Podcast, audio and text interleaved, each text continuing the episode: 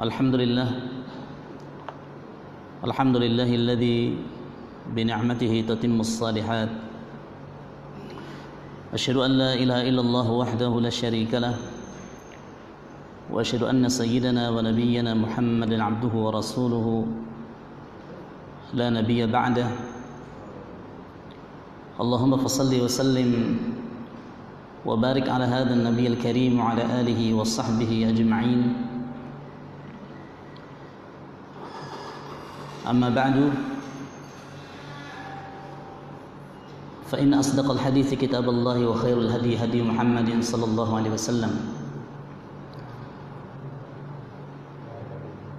Para hadirin, para bapak ibu yang berbahagia, alhamdulillah segala puji dan syukur hanya milik Allah Subhanahu wa taala yang masih melimpah curahkan atas kita nikmatnya yang tidak pernah mengenal jeda di dalam hidup kita. Nikmat yang tidak bisa kita hitung satu persatu tentunya. Nikmat yang mudah-mudahan terus membuat kita mengingat akan kebesaran dan kemurahan Allah Subhanahu wa taala hingga kemudian kita menjadi orang-orang yang bersyukur atas nikmat tersebut. Yang kedua salat dan salam semoga terlimpah curahkan atas Rasulullah Muhammad sallallahu alaihi wasallam, keluarganya, para sahabatnya, kepada mereka orang-orang yang senantiasa mencintai beliau, berupaya untuk menghidupkan sunnah-sunnah beliau dalam kehidupan. Para hadirin yang berbahagia, kajian kita pada kesempatan malam hari ini adalah kepada tazkiyatun nafas. Rasulullah Muhammad SAW mengajarkan kita satu doa yang senantiasa dibaca dan mohon kepada Allah terkait pentingnya kita membangun tazkiyatun nafas ini. Allahumma ati nafsi taqwaha wa zakkiha anta khairu man zakkaha anta waliyuha wa maulaha Rasulullah bersabda dan berdoa kepada Allah Subhanahu wa taala Allahumma ya Allah berikanlah kepada jiwaku ini ketakwaannya. Allahumma ati nafsi taqwa. Wa zakkiha dan bersihkanlah jiwaku. Innaka khairu man zakkaha. Karena engkau adalah sebaik-baiknya zat yang membersihkan jiwa. Karena sesungguhnya yang memiliki jiwa kita adalah Allah subhanahu wa ta'ala. Ya. ketika Allah mengatakan kepada kita di dalam satu surat surat syams ya dia mengatakan wa nafsi wa ma sawwaha fa alhamaha fujuraha wa taqwaha Qad aflaha man zakkaha wa qad khaba man dassaha. Jadi Nabi sallallahu alaihi wasallam meminta kepada Allah Subhanahu wa taala agar membersihkan jiwanya. Wa zakkiha anta khairu man zakkaha. Anta waliyuha wa maulaha. Dan engkaulah Allah Subhanahu wa taala yang menjadi pelindungnya yang menjadi pengayomnya. di dalam konteks kehidupan kita bahwa tidak ada orang yang hidup tanpa dosa gitu. ya tidak ada orang yang hidup tanpa salah gitu. jadi nyatanya kemudian bahwa kita ini adalah orang-orang yang senantiasa bahkan punya rutinitas melakukan dosa ya. atau sering berdosa sering bersalah gitu. Kadang-kadang ada yang kita sadari kesalahan itu, tapi juga kadang-kadang ada kesalahan yang tidak kita sadari. Ya. Makanya Rasul SAW juga mengajarkan kita doa pagi dan petang. Ya, kita senantiasa berdoa Allahumma. Ya. Inna na'udzubika min an nusyrika bika syai'an na'lamu ya wa nastaghfiruka lima la na'lam. Ya Allah kami berlindung kepadamu dari dosa syirik yang kami tahu ya, dan kami beristighfar kepada engkau memohon ampun kepadamu dari dosa yang kami tidak tahu gitu. maka ini penting kemudian di dalam kehidupan kita terus membangun semangat. Ya tazkiyatun nafs ini karena ini adalah bagian yang tidak terpisahkan dalam ibadah kita kepada Allah Subhanahu wa taala. Bahkan ini menjadi ruh. Menjadi ruh ibadah. Apa artinya ibadah tanpa kemudian adanya upaya dari kita untuk senantiasa membersihkan jiwa karena ada orang ibadah tapi kemudian ibadahnya tidak mampu sampai kepada membersihkan jiwa makanya ada orang sholat tapi Allah mengatakan fawailul lil musalli gitu ya. orang sholat tapi Allah katakan kepadanya celakalah orang yang yang sholat gitu. ya. makanya ibadah kita ini harus sampai kepada ya, proses tazkiyah ya. proses memperbaiki diri membersihkan hati menata jiwa. Agar kita menjadi pribadi yang lurus ya. agar kita menjadi pribadi-pribadi yang istiqomah di dalam jalan kebaikan ya. makanya doa kita ihdinas siratal mustaqim ya Allah tunjuki kami jalan yang lurus nah salah satu di antara bab penting ya yang disusun oleh para ulama kita terkait dengan masalah tazkiyatun nafas ini adalah aspek yang terkait dengan ya. Amal-amal hati yang sangat utama gitu. Makanya fokusnya kita sesungguhnya adalah pada hati gitu. Kalau nafas itu jiwa ya. Dan ia sangat berkaitan ya tentunya dengan hati gitu. Ya, maka di sini kemudian uh, penting ya mengetahui ya, hal-hal yang terkait dengan al-a'malul qalbiyah ini, amal-amal hati ini. Sebab ia sangat menentukan ya, pada akhirnya seluruh kerja-kerja anggota tubuh kita ini akan mengikuti apa yang ada dalam hati. Ya. Seluruh apa yang dilakukan oleh anggota tubuh yang terlihat ini dia hakikatnya adalah cerminan dari apa yang ada dalam hati. Maka baginda Rasul kita Muhammad SAW dalam satu hadis yang diriwayatkan Bukhari beliau mengatakan, "Ala wa inna fil jasadi mudghah idza salahat salahat ya, al jasad kulluhu wa idza fasadat fasada al jasad kulluhu." Ala wa hiya ya, Nabi SAW mengatakan bahwa sesungguhnya dalam jasad kita ini ada segumpal daging kata Nabi SAW. Kalau segumpal daging itu baik maka semua akan baik. Tapi kalau segumpal daging itu buruk maka semuanya akan buruk. Ala wahyal qalbu dan segumpal daging itu kata baginda Nabi SAW adalah hati. Gitu.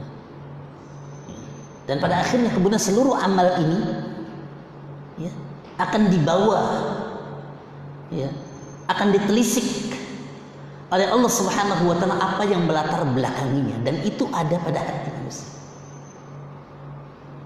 Ya.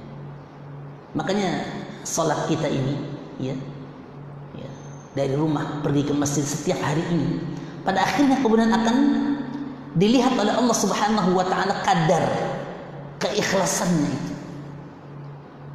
Ya. Motif yang melatar belakangi ya, kerja-kerja kita atau amal-amal kita kepada Allah Subhanahu wa taala ya, itu dilihat dari hatinya. Maka nanti akan dibongkar oleh Allah. Yaumatublas sarair. Pada hari di mana sesuatu yang tersembunyi akan dibongkar oleh Allah Subhanahu wa taala. Yaumatublas sarair. Ya.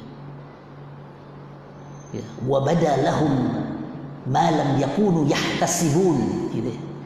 Dan Allah akan tampakkan hal-hal yang dulu mereka tidak pernah perhitungkan. Dibongkar oleh Allah. Apa yang dibongkar? Isi hatinya. Maka Rasul dalam satu hadis yang lain mengatakan, ya, Inna Allah la yanzuru ila ajsamikum wala ila suwarikum. Walakin yanduru ila qulubikum. Ya Allah tidak pernah melihat ya bentuk fisik kita performa kita gitu ya. Tapi Allah lebih melihat apa yang ada dalam hati manusia maka uh, al-qalbu wal malik maka dia adalah raja. Ya. maka jawarih ini ya, seluruh anggota tubuh ini dia adalah prajuritnya saja. Maka dia akan ikut apa kata hati. Gitu. gitu. maka Nabi SAW mengatakan tadi idza saluhat saluhat al jasadu kullu kalau hatinya baik maka semua akan baik. Kalau buruk maka semua akan buruk Makanya Allah mengatakan qad aflaha man zakkaha wa qad khaba man dassaha. Sungguh ya, beruntunglah orang yang senantiasa berupaya untuk membersihkan hatinya. Ya, membersihkan jiwanya. Dan sungguh celaka orang yang terus mengotorinya. Ya, menempelkan noda-noda dosa di dalamnya. Ya. Maka menata hati ini menjadi sebuah pekerjaan ya eh, yang sangat inti dalam kehidupan kita. Ya, pada saat hari-hari ini kita berada dalam satu kehidupan, hampir semua penilaian adalah ada pada pada fisik, ya, performa manusia, gitu kan. Ya. Dan memang kita tidak punya kuasa untuk menilai hati manusia. Ya. Ya.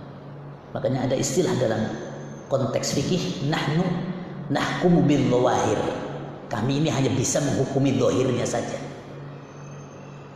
Wallahu yatawalla sarair dan Allah mengetahui apa yang tersembunyi. Jadi cakupan fikih itu yang telah kita bahas, itu dia hanya menghukum menghukumi apa yang nampak. Ya, menghukumi apa yang nampak. Ya. Tetapi apa yang nampak dalam Islam itu dia mengikuti apa yang ada dalam hatinya. Ya. Makanya dalam kaidah ya, usul fikih yang pertama dan utama itu adalah al-umuru bimaqasidiha. Setiap perkara itu tergantung dari niat dan maksudnya itu. Makanya bab ikhlas ini ya, adalah bab tentang bagaimana kemudian kita berupaya untuk terus menata niat kita dalam kehidupan. Sebab intinya ada di situ. Sebab kita akan berinteraksi dengan realita bahwa hati ini merupakan satu bejana yang tidak pernah ya tetap pada tempatnya. Maka dia akan berbolak-balik. Maka ulama kita mengatakan sumyal qalbu qalban li syiddati taqallubihi. Kenapa hati itu disebut sebagai qalb? Karena li syiddati taqallubihi karena dia dinamis berubah-ubah dia. Gitu. Makanya kenapa kita doanya itu ihdinas siratal mustaqim.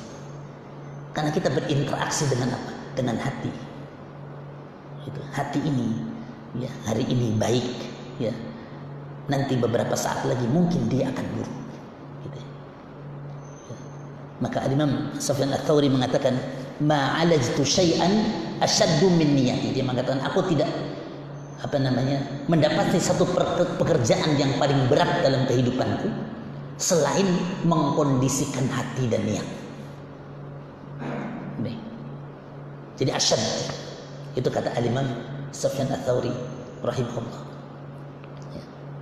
Jadi luar biasa. Maka di sini kemudian uh, pentingnya kemudian kita menjadi orang-orang yang berupaya untuk ikhlas gitu.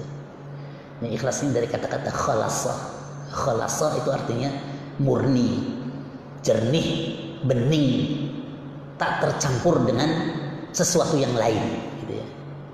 ya gitu.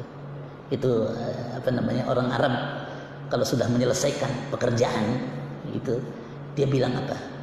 Khalas. Ya, ya. Khalas itu karena, karena tidak ada lagi sesuatu yang semua sudah beres, semua sudah bersih, gitu kan. Maka disebut khalas dari kata-kata khalas. Ya. ya. Pelakunya namanya khalis. Khalis adalah orang yang apa namanya uh, bersih, gitu. Ya, yang murni.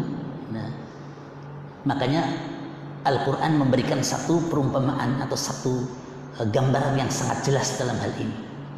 Ya wa inna lakum fil apa namanya an'amil ibratan nusiqum mimma fi butunihi min baini farthi wa damin labanan khalisan sa'igal lisyaribi. Jadi istilah, istilah labanan khalisan. Nah, di perut eh, hewan itu ya, itu ada tiga jalur, tiga jalur eh, apa namanya? jalur kotoran ya. Ya, kemudian ada di tengahnya itu ada jalur susu gitu.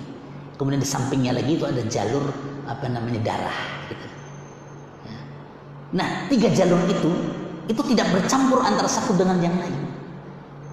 Susu yang ada dalam perut ya, ya, hewan ternak itu itu tidak bercampur dengan kotoran darah ya, ataupun kotoran gitu.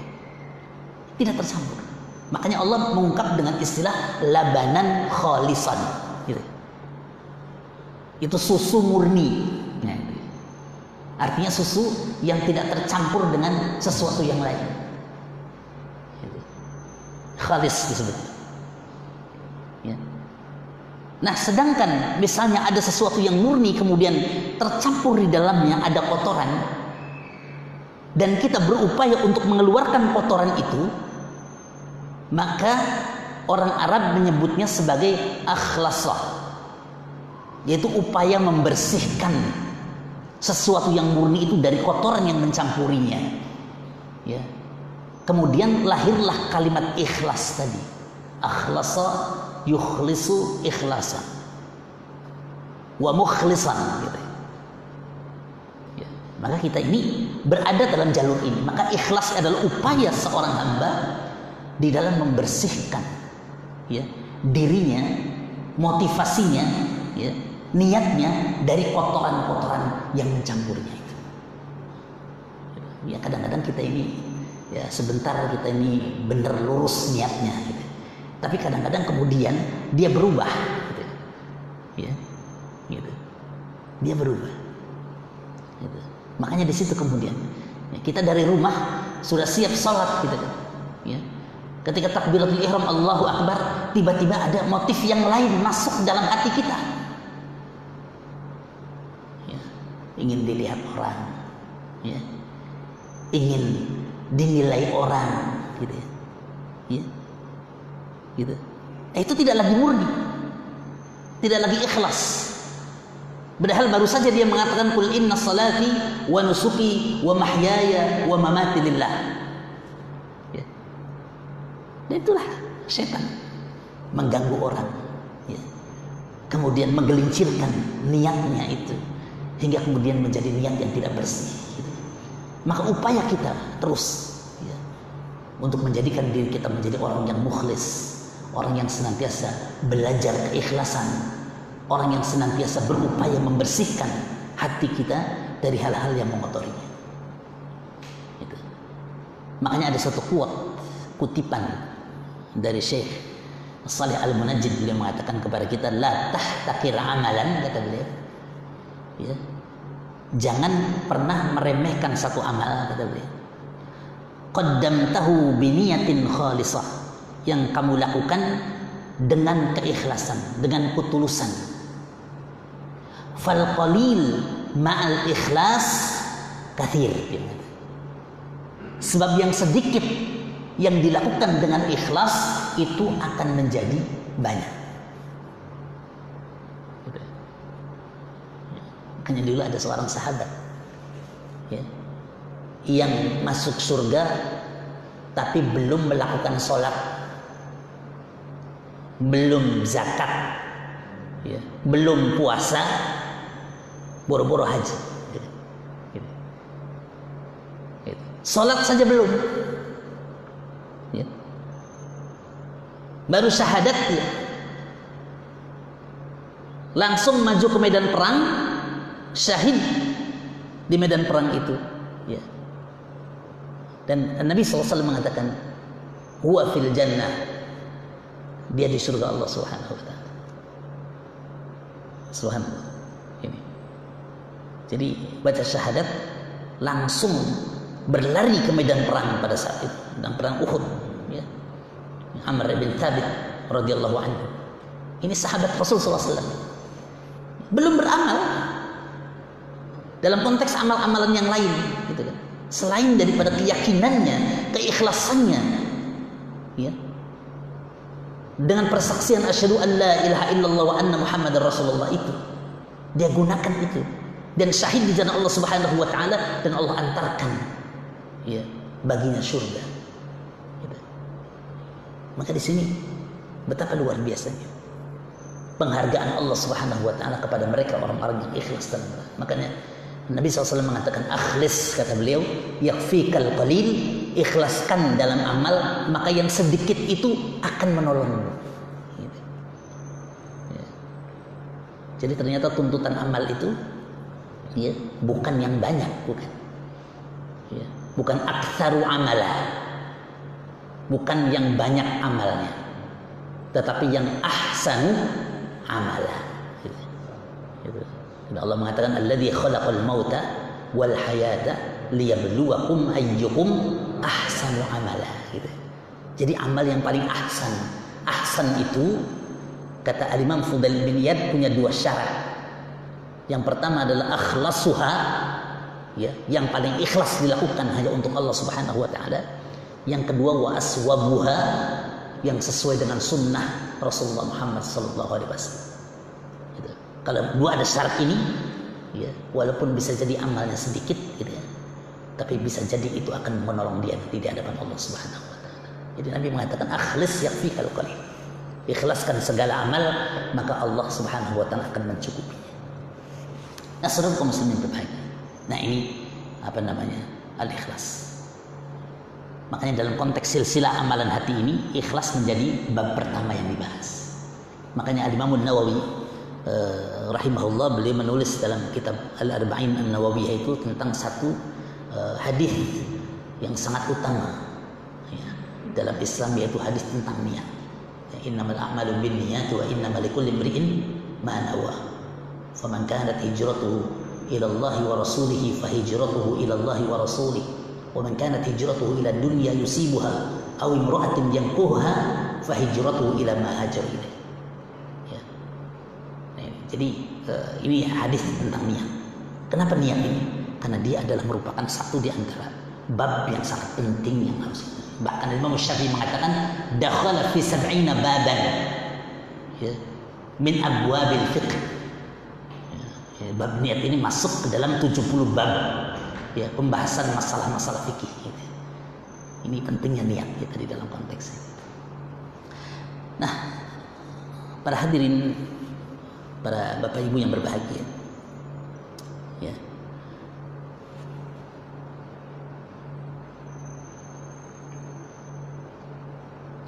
Allah Subhanahu wa taala mengatakan di dalam Al-Qur'an di dalam surat uh, Al-Bayyinah wa ma umiru illa liya'budullaha mukhlishina lahuddin. Ya, mereka tidak diperintah oleh Allah Subhanahu wa taala melainkan ya untuk mengikhlaskan ya agama ini.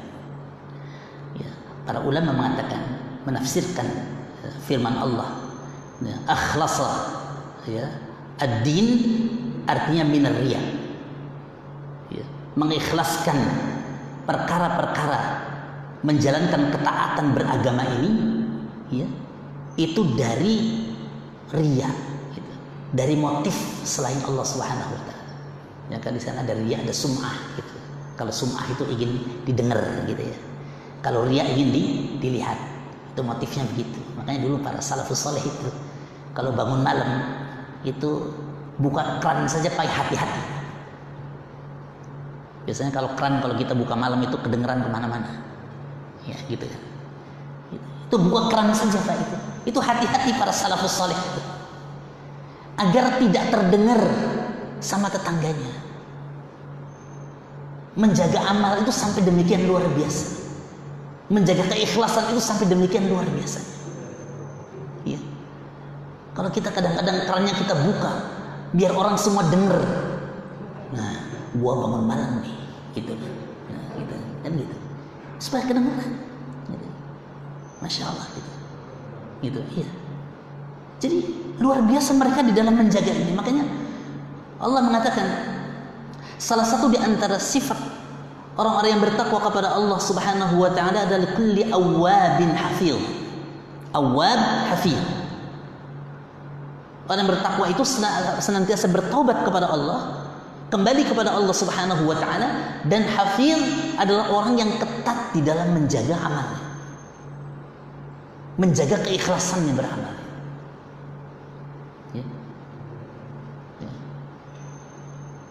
Bahkan dulu Al-Imam Ali Zainal Abidin radhiyallahu anhu itu beliau dikenal masyarakat sebagai orang yang pelit. Ya. Di Madinah itu terkenal pelit banget orang ini. Ya. Gitu. Tapi pada saat beliau wafat ya, orang-orang miskin, para janda, ya, anak-anak yatim kehilangan ya, bagian uang dan makanan yang biasa dikirim oleh orang yang tidak dikenal. Mereka tidak tahu yang penting sudah ada uang dan ada makanan di situ. Dan itu berlangsung selama belasan tahun tanpa diketahui siapa yang mengantarkan uang ke rumah mereka, tanpa mereka tahu siapa yang kemudian e, menaruh makanan gandum yang ada di rumah mereka. Tidak ada yang tahu.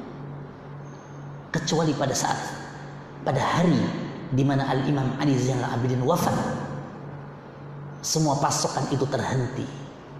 Baru mereka sadar, oh ternyata ini orang yang dikenal sebagai orang yang pelit, justru mereka itu dia adalah orang yang sangat dermawan. Gitu ya. Subhanallah. Ada orang yang mampu menjaga itu baik. Ya. Ada orang yang mampu menjaga amalnya sedemikian rupa. Belasan tahun dilakukan. Ya. Tanpa diketahui oleh siapa. Baru mereka sadar. Pada saat para orang yang memandikan beliau melihat ya, ada hitam legam yang ada di pundak beliau. Ya. Sebagai bekas memikul sesuatu. Baru diketahui. Baru sadar mereka. Itulah. Ini ini apa nama seni beramal. ya. Dan seni beramal tingkat tinggi itu namanya ikhlas. Ya. Menjaga keikhlasan itu. Ya. Dan ini jarang orang yang bisa melakukan. Sedekah itu biasanya yang paling diutamakan sirron wahlania. Ada sedekah sir. Sedekah sembunyi-sembunyi itu lebih baik daripada sedekah yang diberikan secara terang-terang. Dan para salaf itu mampu melakukan itu. Nasr baik. Ya. Dulu di Baghdad Empat tahun itu tidak turun hujan. Kota Baghdad. Ya, gak ada turun hujan. Ya. Para ulama-ulama yang hebat-hebat itu telah keluar rumah mereka dan mohon minta hujan kepada Allah Subhanahu wa taala istisqa. Tapi belum juga turun hujan. Adalah Muhammad Al-Munkadir, oleh seorang tabi'in Ya. Biasanya beliau kalau malam datang ke salah satu masjid di Baghdad itu untuk melakukan sholat malam. Tapi dia dikagetkan ketika ternyata di dalam masjid itu ada seseorang yang sedang berdoa kepada Allah. Dia dengerin doanya. Mengatakan, Ya Allah, seluruh hambamu telah bersimpuh di hadapanmu meminta hujan. Tapi sampai hari ini, malam ini kau belum juga menurunkan hujan.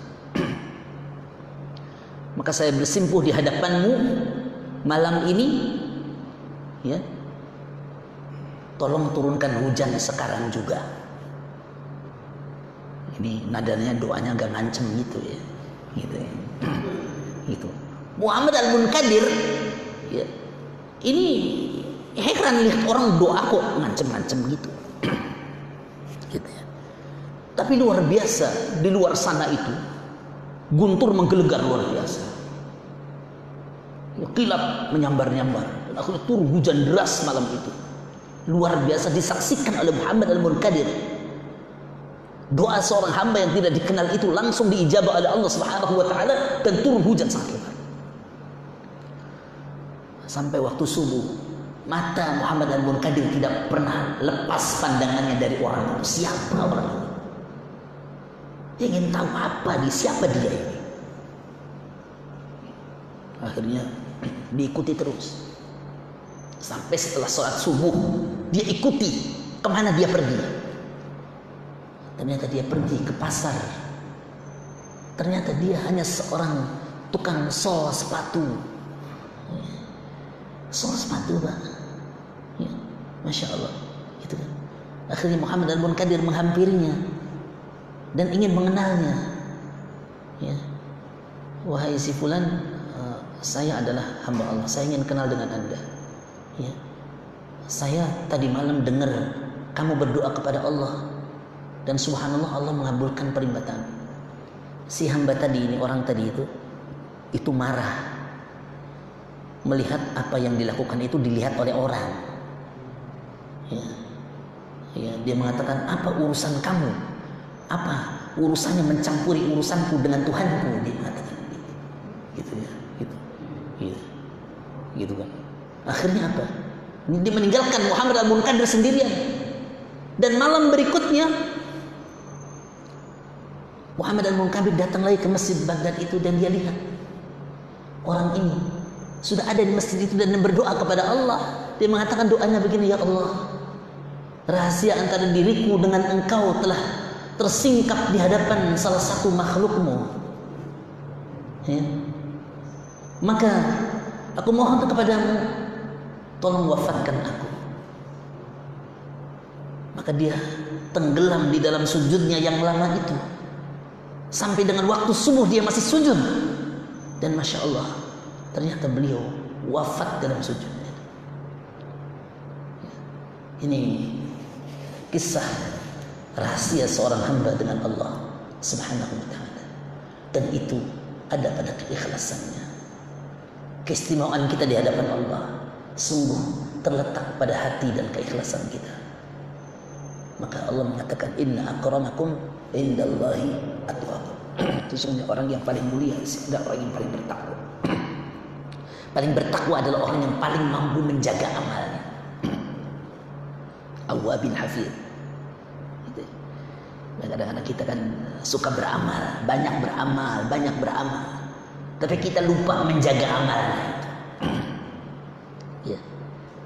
Makanya nanti orang yang bangkrut di akhirat kata Nabi SAW itu bukan orang yang tanpa amal, banyak amalnya. Ya. Iya kan? Banyak amalnya, banyak. ya. Orang yang bangkrut di akhirat itu adalah orang yang banyak amalnya. Tapi amalnya itu tidak mampu menutup ya, keburukan-keburukannya itu. Hingga diambil kebaikan-kebaikannya. Tidak mencukupinya hingga ditimpakan dosa orang lain kepada orang yang bangkrut. Ya. Maka Nabi SAW mengatakan, Kul hal bil akhsarina a'mala kata Allah. Alladzina dhalla sa'yuhum fil hayatid dunya wa hum yahsabun annahum yuhsinuna sun'a. Kata Allah, maukah aku kabarkan kepada kalian orang yang paling merugi amalnya? Yaitu orang yang salah di dalam beramal. Orientasinya salah. Tujuan amalnya salah. Motif amalnya keliru. Ya, bukan untuk Allah. Apakah mereka akan melihat amalnya? Iya, mereka akan melihat amalnya. Amalnya itu bahkan kata Nabi mis Jabal At-Tihamah ya, seperti gunung yang sangat menjulang tinggi itu. Faja'alahu Allahu haba'an manthura, tapi kemudian ya, gunung itu tidak punya bobot di hadapan Allah. Jadi amal yang banyak itu nggak punya bobotnya. Bagaimana mungkin Allah akan menimbang? Makanya Allah tidak akan menifada nuqimu lahum yaumal qiyamati wazna dan kami tidak akan timbang sedikit pun dari amalnya. Amal banyak tapi nggak ditimbang. Bapak kalau pabrik datang ke pabrik beras, Ya, itu biasanya kulit beras apa namanya itu? Gabah itu ya. Nah, itu. Iya, itu nggak ditimbang, nggak perlu ditimbang kalau itu. Ya kan? Kenapa nggak ada isinya? Gitu. Nggak ada isinya. Orang ambil aja satu karung, dua karung, ya, tiga karung, berkarung-karung silahkan diambil. Tapi nggak pernah ditimbang dia. Ngapain ditimbang? Nggak ada artinya. Baru kalau gabah yang ada itu ditimbang dia. Ya. Makanya Allah tidak menimbang. Falanuqimu lahum yaumal qiyamah. Kenapa? Karena nggak punya nggak ada isinya, nggak ada bobotnya. Ya, bahasa kita namanya gabung, gabung gitu ya. Gabung itu oh, nggak oh, ada isinya. Gitu. Jadi bagaimana akan menimbang amal itu? Kata Allah. Ya. Nah itu. Ya. Ya. Dan akan berbobot kalau apa?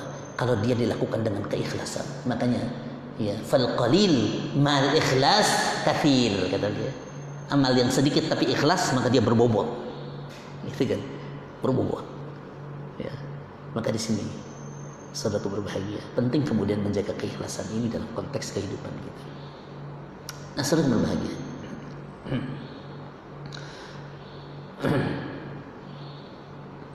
Kemudian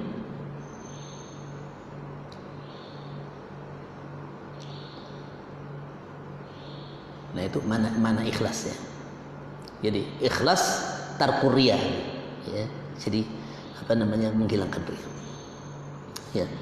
ya. Al-Imam Al-Qayyim mengatakan bahwa orang yang ikhlas juga adalah al-muwahhid disebut.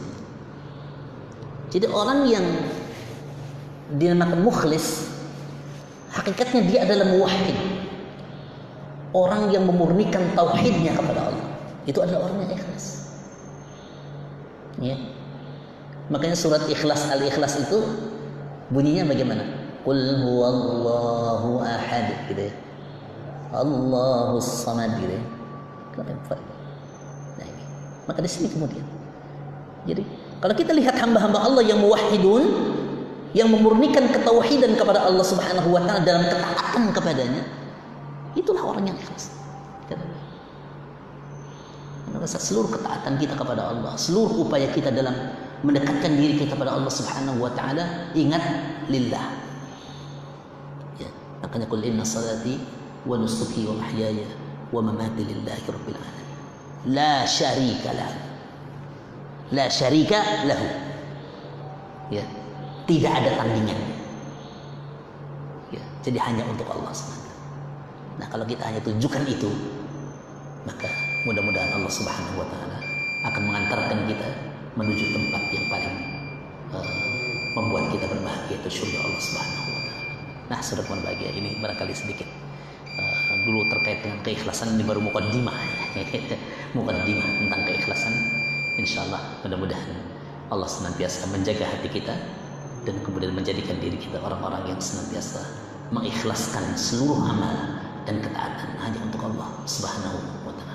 Demikian sedikit yang perlu saya sampaikan. Mudah-mudahan ada manfaatnya. Aku qali hadza fastaghfiru wa lakum. Assalamualaikum warahmatullahi wabarakatuh.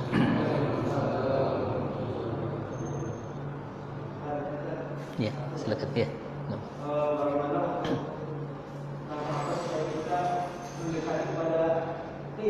Keikhlasan, iya, baik.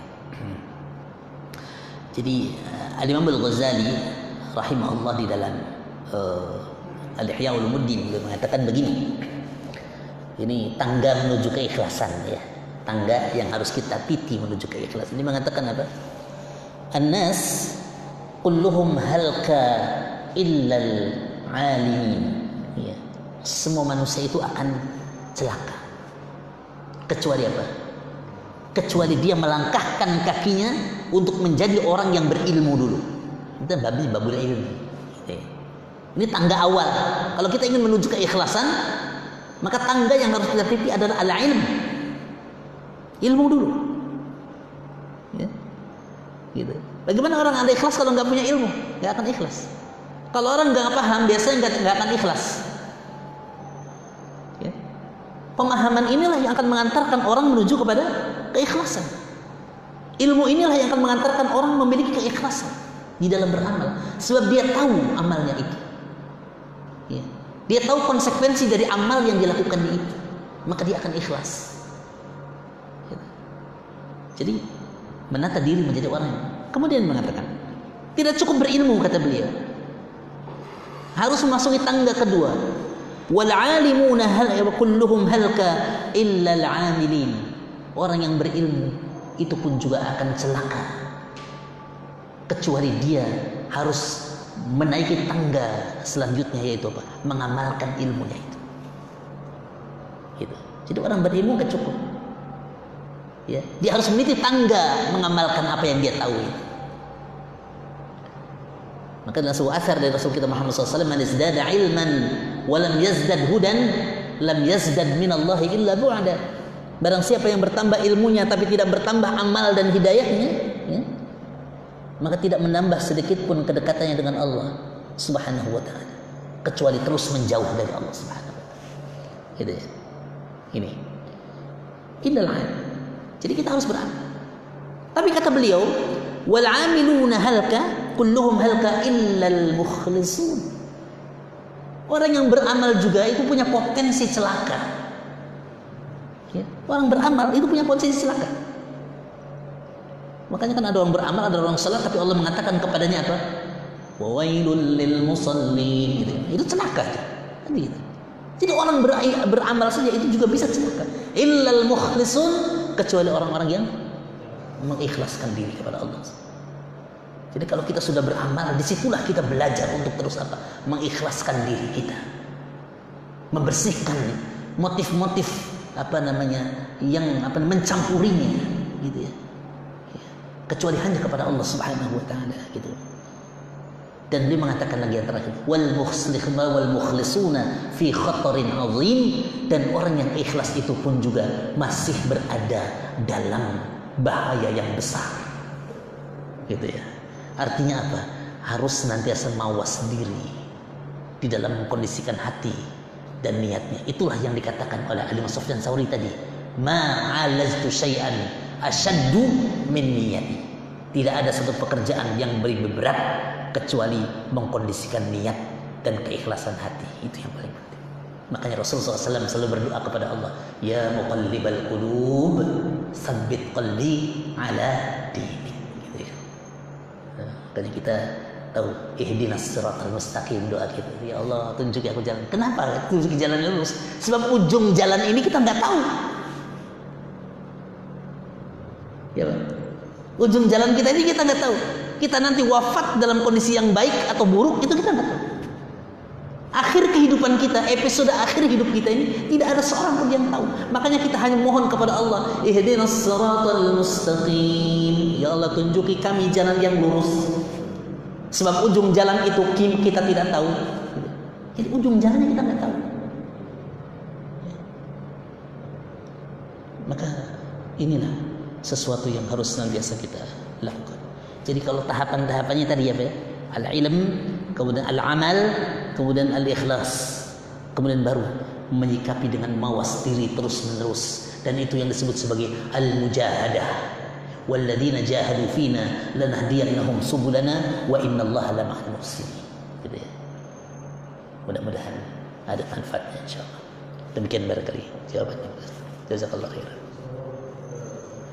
oke alhamdulillah terima kasih silakan subhanakallah subhanakallah bihamdika asyhadu an la ilaha illa anta astaghfiruka wa atubu ilaik Waalaikumsalam warahmatullahi wabarakatuh